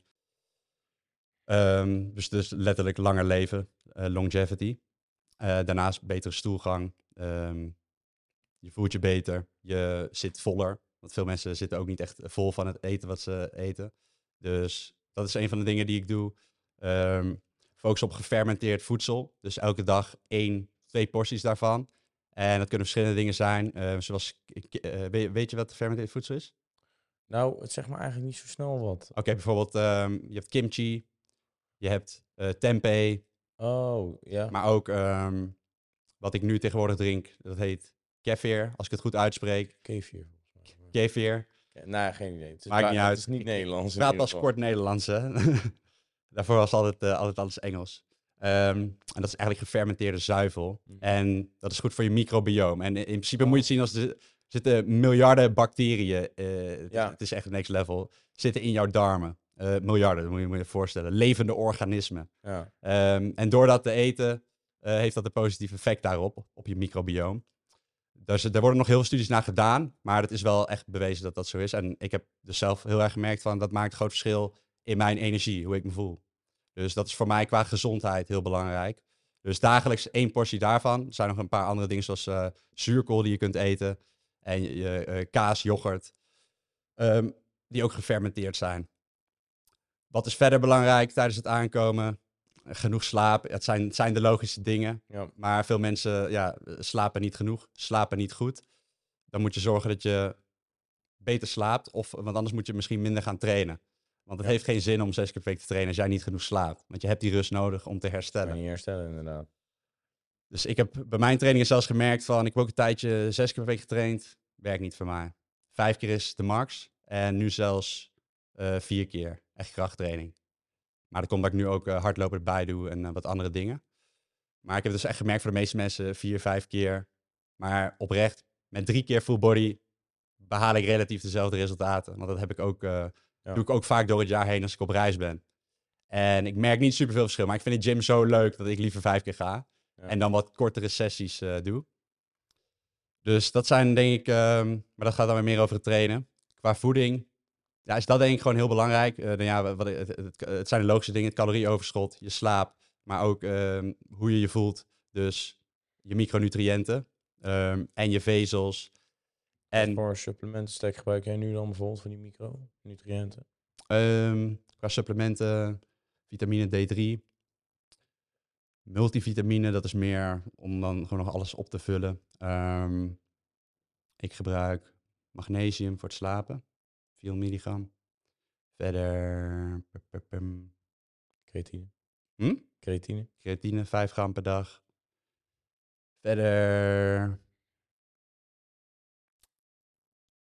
Dat zijn wel, ja, eh whey protein, maar dat is m- weer voor de, voor, de, voor de eiwitten. Ja. Dus dit zijn eigenlijk wel de, de vitamines, zeg maar. Ja. Dus dat valt wel mee. Ehm ashwagandha heb ik ook een tijdje eh, gedaan. Hier en daar, in fases. Is er nog niet genoeg over bekend, vind ik zelf. Maar ik heb wel, ja, wel gemerkt dat het wel enigszins helpt met stress. Ik Maar dat had, heeft dan meer eh, met stress te maken. Ik heb er een negatieve ervaring mee met Ja? ashwagandha. Ja? Bij mij is dus, ehm, ik, had, ik had juist dat ik er heel erg emotieloos van werd. Maar ik merkte juist, want normaal zou het dus testverhogend moeten zijn. Dat is natuurlijk een testosteronbooster. Maar bij mij ging mijn libido juist omlaag. maar ik heb dus zojuist gehoord met die andere podcasts dat mijn bloedwaardes juist extreem hoog zijn. Dus dat er eigenlijk niks gefixt hoeft te worden, om maar zo te zeggen. Zo legde de dokter het uit. Dus Oké. eh, geen idee. Maar in ieder geval, eh ashwagandha is inderdaad veel besproken onderwerp. Omdat eh, iedereen wil natuurlijk eh, hoog natuurlijk testosteron, om maar zo te zeggen. Dus, ehm, maar dat is misschien leuk om het volgende onderwerp aan te knopen. Eh, testosteron, jouw TRT-verhaal. Mochten jullie die nog niet kennen, lijkt me sterk. Maar kan je hem in ieder geval op jouw eh, YouTube-account eh, checken over testosteron replacement treatment. Ehm, zou je misschien nog kort kunnen samenvatten ja, wat, wat voor jou, hoe dat verhaal een beetje in elkaar steekt? Een kleine korte samenvatting, wa- waarom je eraan begonnen bent. En, eh, Ja, het is lastig om het kort te doen, maar ik zal het Ja. proberen. Ehm, ik trainde toen tien jaar, naturel. Toen heb ik een wedstrijd gedaan, mens fysiek. Ehm, even daarna Men's Health Shoot. Echt zes weken daarna. Dus ik was eerst 10 kilo aangekomen, moest ik het weer allemaal... nou ja, lekker. eh, toen heb ik die Men's Health Shoot gedaan. En daarna eh, kwam ik in een soort van zwart gat terecht. Dit was sowieso een hele ja, verder drukke periode in business. Ik had toen denk ik vier, vijf bedrijven tegelijkertijd. Dus ik was met heel veel dingen bezig. Het was heel... Het was, als ik terugdenk ook, het was het is allemaal best wel een baas, zeg maar. Ik zat heel erg in de... Het balletje was aan het rollen, het succes ging hard, zeg maar. Ehm, en qua trainen ging ik ja, toen na tien jaar eigenlijk niet meer vrij. Ik zei, als je ook kijkt naar hoe ik eruit zag, ehm, die twee jaar, drie jaar daarvoor zag ik er eigenlijk ook zo uit. Op een gegeven moment hit je, eh, hit je gewoon een natural limit. Ja. En ja, heb ik die helemaal gehit? Nee, waarschijnlijk niet. Ik zou het nog perfecter kunnen doen, maar ik ben ook ondernemer. ging- ik heb ook ja, een leven Het daarnaast. niet in, eh, in de staat van je leven op dat moment. Precies. En ehm, het is niet mijn doel om eh, professional bodybuilder te worden, om daar alles voor op te geven, zeg maar. Dus ehm, ja, goed, ik zat eh, in die situatie dus. Ik had tien jaar getraind. Ik ging qua trainen niet echt meer vooruit. Dat was eh, één factor eh, wat voor mij trainen eigenlijk niet meer leuk maakte. Waarbij ik het gevoel had van, ik, ik ben mijn passie kwijt. Letterlijk, die passie die ik tien jaar lang had voor trainen. Nadat ik die wedstrijd had gedaan, die mensen had shooten, was het een soort van, qua business ook van, ik heb het gevoel dat ik het nu, zeg maar, al die dingen heb gedaan die ik ooit wou doen. Ehm, veel mensen om mij heen die gebruikten op dat moment eh, TRT. Dus eh, ik zag het, eh, ik zag het veel al om me heen. Positieve effect, om- zag je om je heen, of nou positief. Precies. ehm, en dat ze het erover hadden. Ja, het was een punt dat ik me heel slecht voelde. Dus ja, echt veel depressieve gedachten, negatieve gedachten. Ja, en dat ehm, het gewoon echt wel slecht ging, zeg maar. En dat ik ging kijken naar hoe, hoe ga ik dit verbeteren. Maar op een of andere manier heb ik niet, ja, heb ik niet de tijd genomen om dat te verbeteren. Dus om eh, naar een psycholoog, eh, eh, om heel veel sessies daarmee te doen. ehm, om rust te nemen. Stress te Ehm, reduceren. Wat zei je? Stress Ja, te ja, reduceren. stress reduceren. Want ik had weer allemaal nieuwe dingen gepland die we gingen doen met de business en allerlei plannen. Ja. Dus het ging gewoon, het moest allemaal weer doorgaan.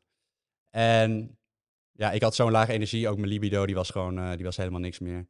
Dus ehm, toen heb ik eh, nou ja, eh, bloedwaardes laten prikken. Uiteindelijk hebben we dat drie keer gedaan dan. Ehm, En kon je dat daar ook in terugzien? Dat het eh, bijvoorbeeld aanzienlijk nee, dat, ja, dat, was extre- ja, dat, was, dat was extreem laag. Normale waarden zijn tussen de nano, nano per liter, nano nog wat per liter. Ja, Ik weet het ook even niet, eh, niet meer uit mijn hoofd. Normale waarden zijn tussen de 8 en 30 volgens mij. 30. Ja. Precies. En mijne zaten dus drie keer tussen de, eh, de ene keer 5, de andere keer 6. Dus als Oh. een oude man. Echt als een oude man. Wauw, dat is inderdaad wel laag. Ja, dus op dat moment ehm, ja, dacht ik, zat ik in dat pakket van iedereen eh, om mij heen, of veel mensen om me heen in het wereldje, die eh, hadden het erover. Of die, die deden het. Of eh, je hoorde alleen maar positieve effecten erover. Niet alleen mensen in de fitnesswereld, maar ook, men, ook ondernemers die het deden voor de ehm, effecten de van meer, drive. meer energie, meer drive. Dus het werd heel erg eh, geglorified en ik werd daar best wel in meegezogen. Gewoon heel eerlijk. Dus ehm, ja, dat was een van de redenen, zeg maar, dat ik daarin meegezogen werd. Maar tegelijkertijd had ik oprecht ook echt mega lage testosteronlevels. Maar ja, achteraf had ik natuurlijk ook kunnen zeggen, eh, ik ga eerst alle, alles aan doen om dat natuurlijk te boosten. Maar dan zou ik wel rust moeten nemen en dan zou ik eh, een tijdje van het bedrijf eh, misschien even moeten, moeten weggaan, even rust moeten nemen, et cetera. En er kwam er dus nog bij dat, dat die passie van het trainen, dat dat gewoon weg was. En dat, Je had ook geen plezier meer in het trainen. ik had geen plezier meer in. En ja, ik zag die gasten om me heen nog, nog wel progressie natuurlijk maken. Die hadden wel plezier. En ik, wist, ik weet ook hoe leuk het is om progressie te maken. Ehm, dus eigenlijk al die factoren gecombineerd, die, eh, ja, die hebben tot tot het, eh, tot het besluit, eh, toen ben ik tot het besluit gekomen. Met al die factoren gecombineerd. Dus toen heb ik het gedaan. Ehm, op het begin voelde ik me inderdaad eh, beter. Dus echt mentaal was er een groot verschil. Maar logisch, want ik had zulke lage testosteronlevels. Eh fysiek, dus in de gym, ook heel leuk, want ik ging weer vooruit, opnieuw. Eh, dat, dat zie je ook als je terugkijkt toen naar mijn fysiek. Dat was echt wel echt anders. Maar ik dacht eh, dat ik het dus allemaal had opgelost. Dus ik dacht, nou, ik heb dus ook op YouTube dat hele verhaal gede- gedeeld. En ik leek er toen ook best wel, of ik leek, ik was er toen echt van overtuigd dat het de juiste beslissing was. Mhm. Ook al wist ik dat veel mensen dat niet, zou, niet gingen begrijpen. Eh, veel mensen zouden het niet snappen. Me- mensen stonden natuurlijk ook niet in mijn schoenen. Je veel haat nu is het een, kort, een kort verhaal, maar er zijn natuurlijk heel veel dingen die hierbij komen kijken. Ja. Ja, wel veel haat eh, gekregen. Veel mensen zijn weggegaan. Maar dat wist, wist ik van tevoren. Eh, maar ik heb die beslissing toch genomen, omdat ik toen echt oprecht overtuigd was dat het de juiste keuze was. En achteraf heel erg zonde. Dus na een maand of acht, toen, eh, na een maand of acht, toen begonnen de symptomen van daarvoor eigenlijk terug te komen van de, de depressieve gedachtes, eh, de, ja, de negatieve spiraal eigenlijk. Ehm, en toen begon dat echt erg te worden, dat ik eh, paniekaanvallen kreeg. Dat had ik ooit wel ook wel eens eerder gehad, maar nu was dat echt eh, meerdere keren, zeg maar. En toen op een gegeven moment liep ik kamers in en als er dan lampen aan waren, dan, dan, dan kon ik niet eens kijken. Dan, ging mijn, dan zag ik alleen maar trillen. Dus, dan dus ik dacht op een gegeven moment van, joh, mijn zicht gaat naar de kloot of zo, of ik word blind. En, en eigenlijk ging het, dit duurde een aantal dagen van paniekaanvallen, dit, eh, dat het steeds erger werd. Dat, het op, dat ik op een gegeven moment echt helemaal eh collapste, zeg, gewoon instortte thuis, zeg maar. Ja. Ehm, en dat ik daarna echt geen enkele prikkel meer aankon. Ik kon niet naar buiten, eh, want, want ik was gewoon, ik was bang om gewoon, om gewoon een mens te zien. Zeg maar, zo erg was het. Ja. Ehm, dus dat, eh, ja, nou ja, toen, eh, dat was de burn-out eigenlijk, hoe dat is, hoe dat, hoe dat is ontstaan. En ik heb hem, het is eigenlijk een soort van geprobeerd met die TRT. Ehm, deels had ik natuurlijk andere redenen en deels een grote reden om door te blijven knallen, om door te blijven gaan met de business. Het succes, heel erg het externe succes achterna te gaan, eh, zonder aan mezelf te denken eigenlijk intern. Want het draaide, want iedereen dacht altijd van het gaat zo goed met Marijn en iedereen altijd eh, eh, ook naar mijn ouders toe, weet je wel, van eh, eh, want ik heb, ook, ik heb ook gewoon een broer, maar ja, mijn broer die is geen eh, influencer, die, is gewoon, die, die heeft gewoon een, normale baan. En dan, ehm, mijn ouders ook van ja, eh komen altijd, komen altijd mensen naar mijn ouders toe van, eh, van ja, Marijn, dit, dat. Maar ja, ik, ik heb ook gewoon een broer, maar waarom zeggen ze niks over hem? Maar dat is, het is logisch, zeg maar. maar je bent zo, het, is zo, het is zo gek om, ehm, om maar enige soort van bekendheid te hebben of zo. Ja. Dat je, dat je ook steeds het gevoel hebt. Eh, ik weet niet dat je, dat je daarvan moet, presteren of zo. Terwijl mensen dus die dingen tegen mijn ouders eh, bijvoorbeeld of zeggen of tegen mij van. eh, of, of vrienden om me heen die, die een, ander leven hebben, met wie ik vroeger vrienden die dan. nou ja, die, die, die gewoon bijvoorbeeld minder geld verdienen of nog geen baan hebben. Van ja, je hebt het zo goed voor elkaar. En dat weet ik, zeg maar. Ik weet in wat voor situatie ik dan, dan zat, ook qua, qua business en hoe het allemaal ging, het succes dat je dat een soort van eh, dat ik niet eens durfde te zeggen van het gaat slecht met mij of eh, ik voel me niet zo ik voel me mentaal niet zo goed of dus ik durfde dat niet eens eh, omdat dat dat voelde een beetje als klagen weet je wel Ja. dat je het zo goed voor elkaar hebt Maar ja, iedereen heeft zijn eigen problemen, zeg maar. En Dat altijd. ja, dat altijd. En ik, ik heb die problemen eigenlijk proberen ja, weg te drukken. Gewoon letterlijk dat. Door TRT. Maar uiteindelijk, je lichaam komt uiteindelijk altijd terug. En ehm, dus ja, toen heb ik alsnog die burn-out gekregen. Da- daarna, ehm, het is niet dat ik daarna meteen gestopt ben, zeg maar. Maar door die burn-out ben ik gewoon anders naar mijn leven gaan kijken. Eh, ook anders naar succes gaan kijken. Anders gaan kijken naar, eh, naar intern. In plaats van alleen maar extern. Dus in plaats van alleen maar ehm, ehm, ja, aan mensen laten zien van hoe goed het gaat. Ook delen van, van hoe, voel ik me echt, weet je wel. En ook dat durven te voelen, zeg maar. Dat was daarvoor altijd wegstoppen. Gewoon alleen maar aanstaan, alleen maar aanstaan. En voor de buitenwereld lijkt het allemaal, het succes allemaal heel leuk, maar dat hoeft niet altijd zo te zijn. Dus als je gasten ziet lachen op Instagram met allemaal dure dingen, je, je, weet, je weet niet wat, wat, erachter, wat erachter zit. Dat weet je nooit. Eh, dus daar kwam ik toen denk ik eh, heel erg achter. Dus toen ben ik nou ja, een hoop therapie, ehm, coaching, eh, meditatie eh, gaan doen, eh, mindfulness, een hele hoop dingen eigenlijk eh, tijdens die, eh, die burn-out periode. Ik ben toen met alles gestopt wat ik deed. Dus ook eh, ja, alle bedrijven. eh, Gelukkig had ik eh, compagnons en me- mensen werken die het konden overnemen. Maar allemaal mee gestopt een tijd. En toen gewoon echt die rust gepakt. Om voor het eerst na, ja, wat was het, acht, acht jaar gewoon lang elke dag werken. Elke dag bezig zijn met, met, met social media, met, met, met al die dingen. Om even diep van binnen te kijken van waar wil ik heen, wat is de volgende stap en, en wat wil ik echt, zeg maar. En misschien ook wie ben ik eigenlijk. Weet je ook eh, ehm, eh, een per direct gestopt met TRT? Of heb je Nee, dus, dus ik heb de, de- de- deze fase gehad van heel erg eh, reflecteren. En toen ben ik erachter gekomen van, dat was, dat was niet de oplossing. Dat was niet, niet de oplossing. Ehm, en toen heb ik besloten, nu, nu is nog het moment om te kunnen stoppen. Want eigenlijk, als je TRT gaat doen, dan doe je dat voor de rest van je leven. Dat is, dat is de insteek waarom je dat doet. Want het vervangt jouw eigen hormoonproductie. Dus het is, het is niet iets wat je, wat je licht, eh, licht kan nemen, zeg maar. Dat is een zware keuze. Mega grote keuze. Ook eh, qua vruchtbaarheid. Je weet niet hoe dat zit. Eh, grote kans dat die minder is daarna. Ehm, er zijn natuurlijk weer allemaal andere middeltjes. Maar dan moet je... Het blijft maar een middelen, Ja. een middelen, middelengame, zeg maar. Dus toen... ehm, ja, en ik ben er ook achter gekomen. Dat was deels... ehm, dus in die zelfreflectie van... Het trainen was even leuker. Maar na die acht maanden ging die progressie ook wel weer... Die was niet even snel als die eerste paar maanden. Uiteindelijk zal die progressie, eh, TRT, het, eh, je, je, je, je hebt een hoger testosteron level, had ik dan dan eerst. Maar die blijft wel elke dag hetzelfde. Ja. Dus het is niet zo eh, dat, je, dat je ook weer eeuwig gains blijft maken. En toen ben ik eigenlijk andere sporten gaan doen. Dus meer bodyweight training, calisthenics en gaan hardlopen. Meer functioneel trainen. En toen kwam ik erachter dat ik dat eigenlijk wel heel nice vond. Ehm, en dat gaf mij het inzicht van... Ja, eigenlijk op al die fronten waarvan ik dacht TRT eh werkt, zeg maar... ehm, had ik die een soort van gedebunked van... Het was een slechte keuze op mijn leeftijd. Domme keuze ook. Ik voel me ook best wel schuldig. eh, eh, ook wel toen omdat ik nou ja, die video heb gemaakt. Het, ik voel me niet schuldig dat ik het eerlijk heb verteld. Dat, dat is goed. Maar daardoor hebben andere mensen natuurlijk waarschijnlijk ook... Zo is het nou eenmaal. Mensen daardoor ook gedacht van... ehm, hey, ik heb die problemen ook. eh, dat wil ik ook. Ja. Gelukkig kan dat in Nederland niet zo makkelijk. Dus. Maar toch, eh, toch eh, ja. Is dat gewoon een fout? Maar ik heb die ook gewoon geowned en ik ben daar gewoon eerlijk over geweest. Ja. En Nou, respect ook daarvoor. Ook sowieso voor je transparantie. Want ik weet nog wel, toen die video uitkwam, toen dacht ik van, wow. Zeg maar, niet eens van, wow, hij gaat gebruiken, maar meer gewoon, wow. Hij is ook gewoon echt open over.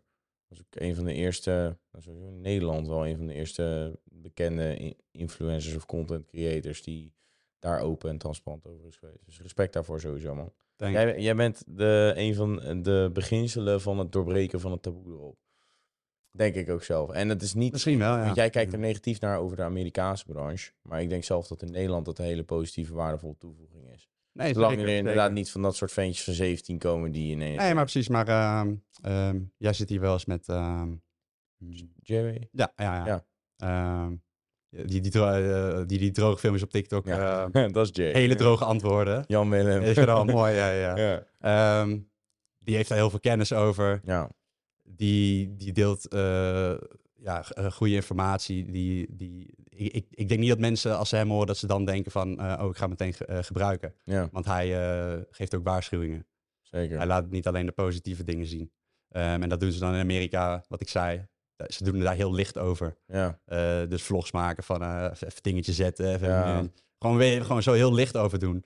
Terwijl ik ehm, toen in elke video heb ik duidelijk, elke keer dat ik erover praat, heb ik wel aangegeven van, dit is wat ik doe, maar ik, maar ik zou het niet doen. Maar ja, toch, toch, ehm, ja, toch blijft er altijd een soort schuldgevoeletje in mijn hoofd. ja, maar goed, het is gewoon een fout. eh, Ik, ik denk zelf niet dat dat het is een nou... fout die, die ik heb gemaakt. En ehm, ja, misschien eh, eh, inspireert het mensen ook alweer om juist eh, nu weer natuurlijk te blijven, juist. En dat je ook kan zien van... Ja, ik kijk ook terug op mijn lichaam toen en denk van... Ja, ik zag er eigenlijk gewoon echt goed uit. En het is, het is, het is eigenlijk eh, zonde. Ja, eh, het is nog meer, nog meer lof voor je dat je erop teruggekomen bent. Dat je er ook open over bent geweest van, yo, het is een van de grootste fouten geweest. Want dat, dat is juist waar je mensen die pullback geeft, dat ze inderdaad helemaal weten van, oké, het heeft geen zin om TRT te gaan doen. Ja. Tenzij Ja, ja, dat, is wel inderdaad echt gek gaat blasten, maar dan dat is geen TRT meer. Nee, ja, of, als je, of als je ouder bent, hè. Maar ik was, eh, ik was gewoon nog heel jong en er waren gewoon alternatieven. Hoe oud Ja. was je toen je begon, vraag me? Ja, wat was ik? Vijf, ik denk 26. 26. Ja. Maar ja, het was dus, dus inderdaad... ja, ik, eh, ik was, ik, wat ik zei, eh, die redenen van net allemaal. Ik was zo opgezogen in dat wereldje en in het succes dat ik gewoon eh, een beetje oogkleppen eh, op had. En ik wou de snelle, de snelle oplossing. Maar de snelle oplossing is meestal niet de beste oplossing in het leven. Nee, zeker niet. Nee, en, ehm, want eh, ja, misschien een beetje een gevoelig vraag, maar hoe doe je dat nu? Want je zei net van, eh, het is een keuze voor het leven. Alleen je zei zelf maar wel in eh, de video dat je erop terugkwam van, ik wil ermee stoppen. Ik ga proberen op natuurlijke wijze mijn, mijn hormoonhuishouden weer aan de praat te krijgen. Ja. Is dat gelukt? Of ja, dat heb enigszins? ik toen ook gedeeld. Dat, Ja. dat is gewoon gelukt. Ja. Oké, Wat dat betreft heb ik best wel geluk gehad. En ik heb hier ook Doe- doe advies gevraagd aan, Ja. aan, aan, aan Greg Doucette en eh, Derek van More Place More Dates. Die, Mhm. eh, die heeft zelf een, eh, een eh, kliniek ook uit Amerika. Ehm, die weet daar veel over. Dus, nou ja, eh, eh, bepaalde nakuur gedaan met allerlei eh, middelen. En ehm, ehm, ja, wat ik zei, veel, veel rust genomen. Het, ik denk, uiteindelijk denk ik, wat het, wat het grootste verschil is geweest... en waardoor het weer terug is gekomen... is gewoon heel veel rust nemen. Ehm, genoeg slapen. Want ik sliep echt eh, vaak gewoon vijf uur per nacht, zeg maar. Eh, een tijdje zelfs minder vaak getraind ook. Ik ben wel blijven trainen, ook toen ik eh, ben gestopt. Maar toen echt full body twee keer per week. Gewoon om de, die trainingen. Het voelde echt, ja, ik voelde echt als een oude man. Want die is even gewoon nul. ja. Gaat weer helemaal terug. En er is een kans dat hij niet meer terugkomt. Ja. Dus ik heb wat dat betreft gewoon echt, echt geluk gehad. Want binnen twaalf weken zat hij weer op een redelijk... Toen zat hij volgens mij op 14. Oh, Oké, Ja, ja, dus- gemiddeld volgens mij inderdaad. Ja, binnen 12, of na 16 weken was dit. Maar het is 16 weken best wel hel, hè? Dus op zich vier, vier maanden van je leven. Dus dat is, het is niet niks. Ja. Het is niet niks, zeg maar. Maar goed, ik was daar blij mee. Want je, online lees je ook verhalen van mensen waarbij het niet meer herstelt. Ehm, vaak hebben die natuurlijk, die doen het al veel, veel langer. Of die hebben eh kuren gedaan of wat dan ook. Maar er zijn kansen dat het niet meer herstelt. Dus het, het is, eh, ik heb wat dat betreft geluk gehad. Het is weer op een normaal level gekomen. Ook weer op een normaal level gebleven. En wat betreft trainen wat ik nu doe. Dus mijn bloedwaardes die zijn nu gewoon eh, normaal, zeg maar. Wat ik doe wat betreft trainen, dat is wel veranderd. eh, waardoor ik nu weer plezier in heb. En waar, ja, dus ik train niet alleen maar voor mijn fysiek, eh, maar ik doe ook hardlopen Ja, erbij. je doet ook meerdere kanten van de sport. zo. Precies, ik doe eigenlijk hybrid training. Dus ik combineer meerdere sporten samen. Dus, Belangrijk, denk Dus- ik. dus powerbuilding, wat ik eigenlijk altijd deed. En dan vooral gefocust wel op het bodybuilding deel van de aesthetics. eh, maar ook wel lagere reps met, ehm, ja, met, de heavy compounds. Maar daarnaast ook bodyweight training. En dan, ja, en dan meer richting het einde van mijn workout. En op het begin doe ik een skill zoals handstanden of muscle-ups leren. Ehm, dus meer de, de calisthenics skills. En dat, ik ben al twee jaar bezig met die handstand. Dat is gewoon het moeilijkste wat er is. Ehm, en dat is eh, ja, voor mij echt weer leuk, zeg maar. En dat Ja. is ook een beetje was Nieuwe uit- lastig. nieuwe Omdat ik een uitdaging eh, ook. nieuwe uitdaging. Alleen ik moest mijn ego zo erg laten gaan. Omdat ik die fitness guy was. En Ja. ik had dat, ik had dat lichaam. Nou, dat heb ik een soort van. Die, die ging decreasen, zeg maar, nadat, nadat ik gestopt was. En ik kon dat best wel accepteren. Omdat ik weer wat, wat nieuws had gevonden wat leuk was. Maar ik moest mijn ego daarin natuurlijk wel laten gaan. Want nog steeds ga ik gewoon de helft van de tijd op mijn bek met die handstand. Terwijl ik het al zo lang probeer. En terwijl ik eh, ja, in de fitness gewoon eh, zeg maar, redelijk succes heb geboekt. Ook met mijn lichaam. Dus eh, ik ben eh, ja, de, mobiliteit, flexibiliteit was zo slecht na al die jaren trainen. Dat is, dat is niet normaal. Daar komen we later altijd pas Dat is achter. echt niet normaal. Dus daar ben ik achter gekomen. En ehm, dat is ook een les zijn van mijn jongen zelf. Van eerder, eerder daaraan werken. Aan die mobiliteit, flexibiliteit. Ehm, en dat dus. En nu, wil ik, nu is mijn volgende doel. Nu ben ik aan het droog trainen. En dan is mijn volgende dan ook deels ehm, gewoon leuk voor de, eh, om mensen in mee te nemen. Vind ik altijd leuk. Voor de, het is natuurlijk zomer, daarom ook. Maar ook om wat lichter te zijn voor het hardlopen. Maar ook voor de handstanden. Want die gaan gewoon makkelijker. En ook muscle-ups als Ja. ik wat lichter ben. Ja, precies. Dus eh, ik ben nu al, eh, al best wel wat kilo's kwijt. Hoeveel denk je dat ik nu weeg? Ja, wacht even. Jij had, je zei net dat je op een gegeven moment boven de 100 woog in een bepaalde bulk. Nee, 90. Nee, boven. boven de 100 woog in die gekke bulk. Nee, boven de 90. Oh, boven de 90, oké. Eh, ik denk dan, even kijken, als 90 een extreem punt is, 82. Ja, bijna wel. Ja, ja ik zit eh, drie- nu, nu zeg maar 83,5 zoiets. Even, eh, ja, rond 83, 83,5. En Dus wat is je de- streefgewicht? Of heb je, kijk je niet naar gewicht? Die was eigenlijk 83, dus, maar ik heb nog twee weken nu te gaan. Dus misschien wordt die net iets lager. Maar ja, ik heb altijd wel ongeveer een streefgewicht. Maar dat, dat hangt er ook vanaf als je shoot doet. Dan drop je ineens eh, binnen een dag eh, weer 2 kilo aan water. En dan is het weer... eh, Ja, als je dan de weigh-in doet, is het weer anders. Ja, dan is gewicht. Dus het hangt er een beetje vanaf. Ja. Ehm, maar ja, ge- gewicht is niet alles. Ik, vind, Zeker. ik ben nu nog steeds, ik, vind me, ja, ik ben nu weer gewoon echt zeg maar, tevreden met mijn lichaam. Ook blij mee met hoe ik eruit zie. Maar vooral is het trainen ook gewoon weer leuk. En het is Dat is niet. belangrijk. En veel mensen denken, en dit dacht ik op het begin ook, want ik was de hele tijd bang om eh, handstanden te doen. Ik was bang om die andere dingen te doen, omdat je wel een beetje volume moet inleveren op je andere lifts. Want op het begin bleef ik, op het begin bleef ik die, die, eh, gewoon die volle, volledige bodybuilding split doen met hetzelfde volume. En ging ik daarnaast en handstanden doen eh, en muscle-ups nog erbij. Maar handstanden, daar ben je best mee bezig. Vaak een half uur practice of zo, of een uur. En dan daarna nog met trainen. En daarbij nog hardlopen. En toen raakte ik wel een beetje overtraind. Toen merkte ik van dit... Maar ik heb een beetje ingeleverd op volume. Maar zelfs met bodyweight training, zolang je wel dicht bij vaden traint... ehm, het is niet zo dat je al je spiermassa ineens kwijtraakt. Dat heb ik nu wel heel erg gemerkt eh, tijdens deze cuttingfase. Het was even de vraag, ga ik nou heel veel spiermassa verliezen... als ik niet meer op die bodybuilding stijl train? Want ik doe echt nog maar weinig eh, sets, zeg maar echt harde sets. En heb je daar veel een eh, verschil in gemerkt in, in je fysiek dan? Nee, valt wel mee dus. Nee. Maar Dat ik vul het dus wel op met bepaalde skills. Maar dan is het meer static training. Of bijvoorbeeld ehm, eh, isometric training ook.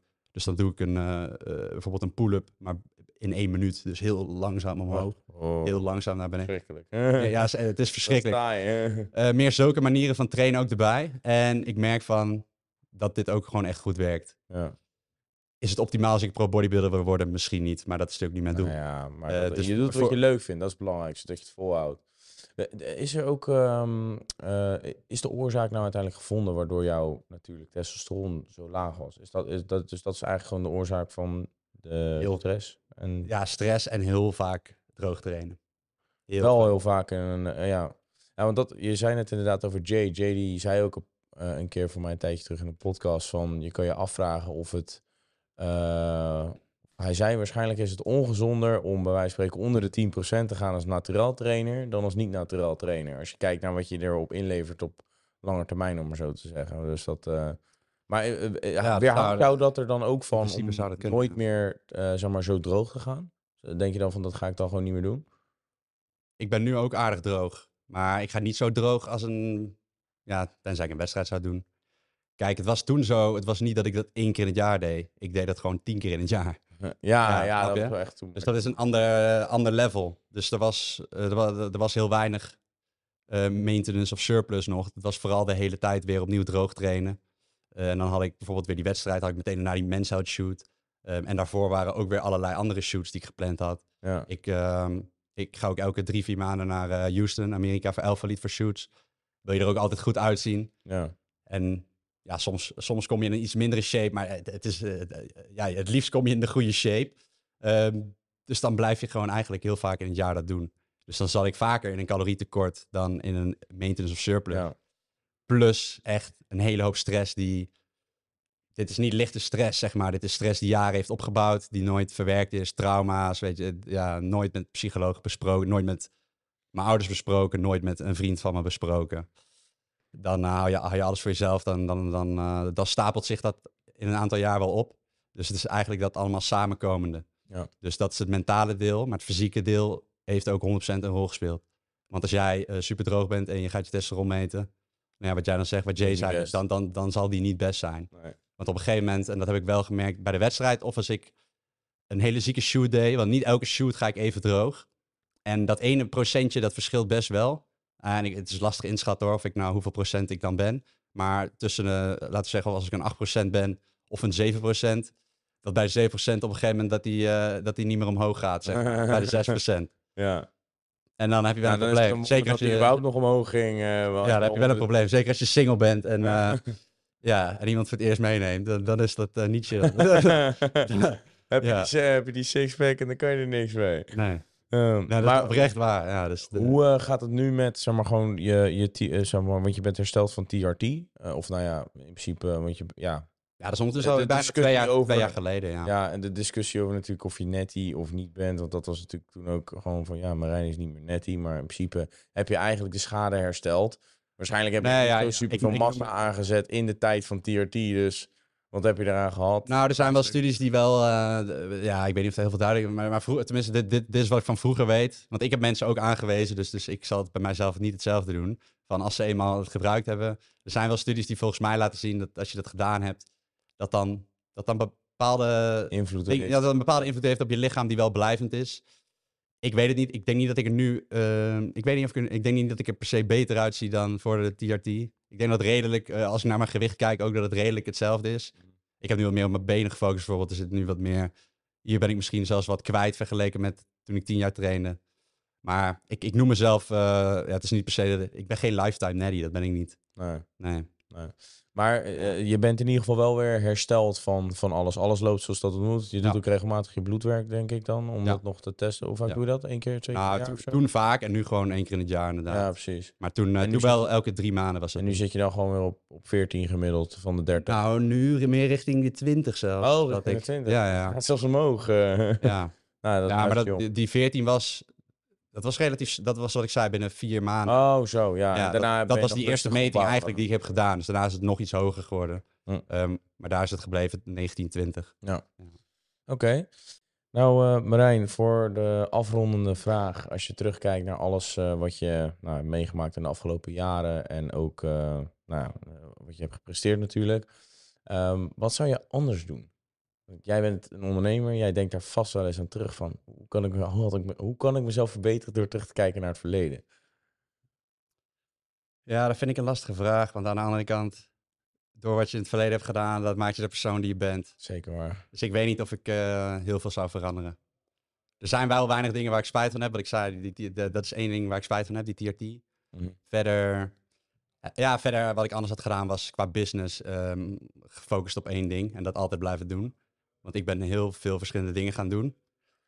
Eerder leren om nee te zeggen tegen, tegen mensen en tegen kansen vooral.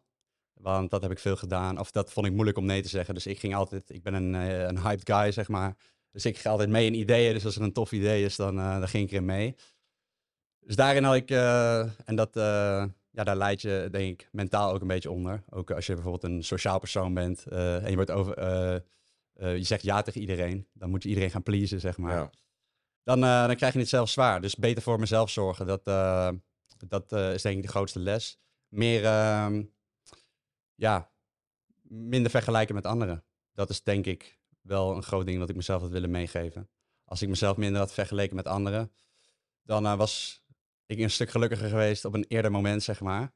En ik geloof dat ik dan nog steeds hetzelfde had kunnen bereiken. Alleen dan op een eh, leukere manier. En ik denk dat veel mensen die naar de sportschool gaan, die vergelijken zichzelf ook met ja, hoe iemand anders eruit ziet. Of hoeveel gewicht iemand anders lift. Maar iedereen begint ergens. En je moet gewoon focussen op jezelf. En dat is eh, de, de slogan van ons nieuwe bedrijf is win van jezelf.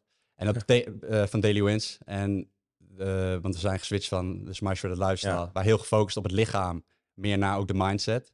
Dat is gekomen ook door mijn burn-out. Ja. Wou ik dat bedrijf gaan omgooien. En win van jezelf. Dat is gewoon eh, waar ik nu op focus. En ik geloof ook dat dat de leukste manier van leven is. Betekent niet dat de competitie slecht is. Ik hou nog steeds van competitie. En competitie moet, eh, moet er ook eh, altijd blijven zijn. Dus in de wereld van vandaag eh wil iedereen een trophy, maar zo werkt het niet. Dus competitie is wel goed. Maar uiteindelijk draait het dagelijks om gewoon het winnen van jezelf. Dat is denk ik het belangrijkste wat er is. Ehm, wat betreft, betreft trainen heb ik, eh, zijn er een aantal dingen veranderd. Ik nam vroeger eh, met eh, droog trainen, ehm, de- deed ik heel vaak heel veel reps en dan weinig ru- rust. En überhaupt in mijn trainingen. Ehm, maar er, zijn wel, er is wel nieuwe data, zeg maar, waar ik best wel enthousiast over ben. En die ik heb gebruikt nu de afgelopen tijd ook om te trainen.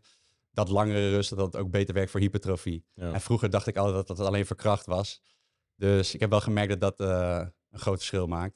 Want die studie laat letterlijk zien dat als je zeg maar één minuut rust neemt, dan moet je bijna dubbele hoeveelheid sets doen. Als dat jij drie minuten rust neemt Hm. tussen een set. Ja. Dus dan ben je veel langer ook eh, uiteindelijk in de gym. En zijn de sets minder intensief. ja, precies. Dus ja, zo zijn een hele hoop trainingsdingen die ik heb geleerd. Eh, je, wou, je wou één les, maar ik... Maar dat is juist ook denk ik het leuke van de hele ervaring van het gym. Omdat je constant jezelf blijft innoveren. Het is een soort mini-onderneming denk ik ook. Zeker, zeker. En terwijl je ook denkt, eh, een paar jaar geleden dacht ik van, ja, alle feiten zijn er wel, er verandert nu niks meer. Maar Ah, dingen blijven toch wel weer veranderen. Dat dacht ik ooit ook, maar het Ja. blijft blijft maar gaan. inderdaad. Alleen uiteindelijk is de grote draad wel hetzelfde. En dat is de reden, eh, ja, op details focussen is voor de meeste mensen niet wat ze moeten doen, maar ze Nee. moeten hun levensstijl veranderen. En ze moeten gezonde gewoontes bouwen. En ja, daar begint het eigenlijk allemaal. Vind ik een hele mooie om mee af te sluiten. Marijn, ik wil jou hartelijk bedanken voor jouw eh, aanwezigheid eh, en je transparantie in deze podcast. Ik waardeer het enorm. Ehm, ook een mooi verhaal en ook een open en transparant verhaal. Eh, ik vind het inspirerend. Sowieso hoe jij bent als ondernemer en hoe je jezelf hebt ontwikkeld in de afgelopen jaren. Dus eh, sowieso complimenten daarvoor. Kijk het al jarenlang, dus eh, kleine fanboy. Thanks Nee, man. ontzettend bedankt voor je aanwezigheid. Ehm, ja, thanks voor het kijken en luisteren naar deze podcast. Volg Marijn natuurlijk eventjes op Instagram. Check even het account @dailywins, want er staat ook vaak motiverende content op. Nou, Mocht je eh, nou nog... Nederlands YouTube kanaal komt er ook aan. Dus, Oh, kijk eens aan. Nou, YouTube uh, Marijn. als je heel slecht zijn in Engels, kan je ook nog voor de Nederlandse variant gaan. Ehm, ja, laat even een review achter op eh, Spotify. Een duimpje omhoog op YouTube. En ehm, ja, een fijne dag nog verder. En Marijn, bedankt. Jij ook man. Ciao. Ciao. Bedankt voor het luisteren naar deze podcast. Kleine reminder nog eh, voor de Sportpoeder app. Die kan je gratis downloaden in de App Store en in de Google Play Store. Voor de hoogste kortingen op jouw favoriete supplementenmerken, zodat je nooit meer te veel betaalt.